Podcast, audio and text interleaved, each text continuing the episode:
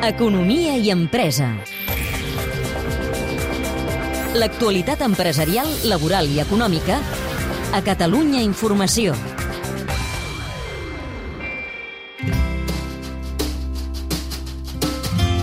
volen canviar el món des de l'alimentació. El Marc Coloma venia de l'activisme pels drets dels animals i es va donar compte que l'impacte que tenia era reduït perquè acabava reconvencent els ja convençuts i llavors va dir el que hem de fer és emplenar els lineals dels, dels supermercats i les cartes dels restaurants amb opcions 100% vegetals però molt delicioses. I dit i fet, juntament amb el Bernat Anyanyos, a qui sentíem, funden l'any 2017 una empresa per crear carn vegetal. Més concretament, Eura, una proteïna feta a base de soja.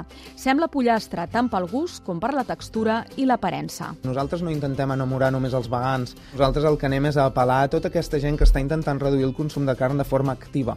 I això només, només ho podem fer tinguent gent que menja carn a l'equip, a les proves de producte, que diguin uau, això sembla, sembla pollastre, o això sembla vedella, o això sembla porc. L'últim any han multiplicat per 5 els punts de venda.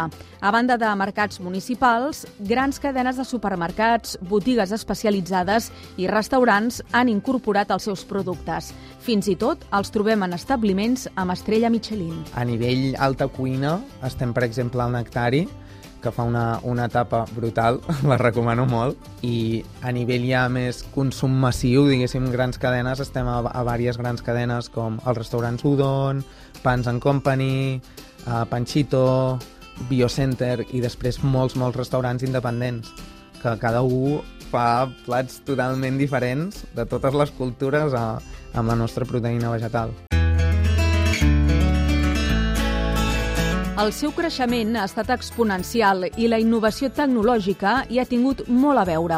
Amb un procés molt senzill, que és canvi de, de temperatura, pressió i humitat en una màquina, amb aigua i soja aconseguim una, un filet gegant que després tallem i marinem.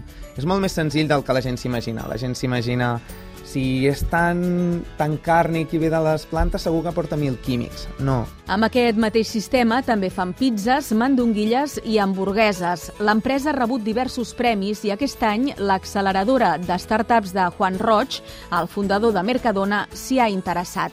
Un dels reptes pendents que tenen és la producció que de moment tenen externalitzada. El dia 1 no podíem tenir una fàbrica, són molts milions, sinó que vam trobar diferents fàbriques a nivell europeu que ens poguessin produir les nostres receptes. En el cas d'Eura ara ho estem produint a, a Holanda, segurament en dos anys ja hi haurà una planta productiva a Catalunya i en el cas de l'hamburguesa els millors resultats ens estan arribant de França, llavors segurament començarem en França i al final és anar escalant.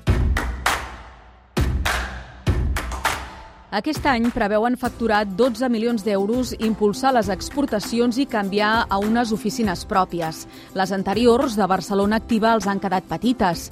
Eura ven a Andorra, Portugal, Holanda, Itàlia, Xile, Hong Kong i Singapur, una expansió per la qual, tot i ser millennials, han fitxat treballadors de més edat. Fins ara sí, som un, un perfil molt jove, la mitjana d'edat deu estar entre els 27 i els 28 anys, Ara aquestes noves incorporacions, algunes ja vindran amb, amb bagatges i experiència en el món de l'alimentació, amb empreses multinacionals, tant a nivell nacional com d'altres països, que venen a portar pues, aquest saber fer, el, el know-how de, de poder portar euro no aquí, sinó a tot arreu del món.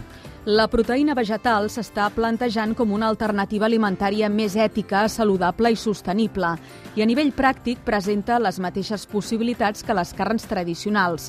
Es pot saltejar, preparar al forn o fer-ne guisats. Quedarà molt romàntic, però a mi m'agraden totes les receptes que em fa la meva iaia, perquè em fa els plats tradicionals a meure i em fa especial il·lusió que les persones més grans apostin també per aquest tipus d'alimentació i no només és la meva iaia, que sona molt, molt maco, sinó sé que, que altre, altres iaies estan, estan introduint eure en els plats, sobretot perquè els nets ho demanen i les iaies també veuen, ah, doncs no està mal.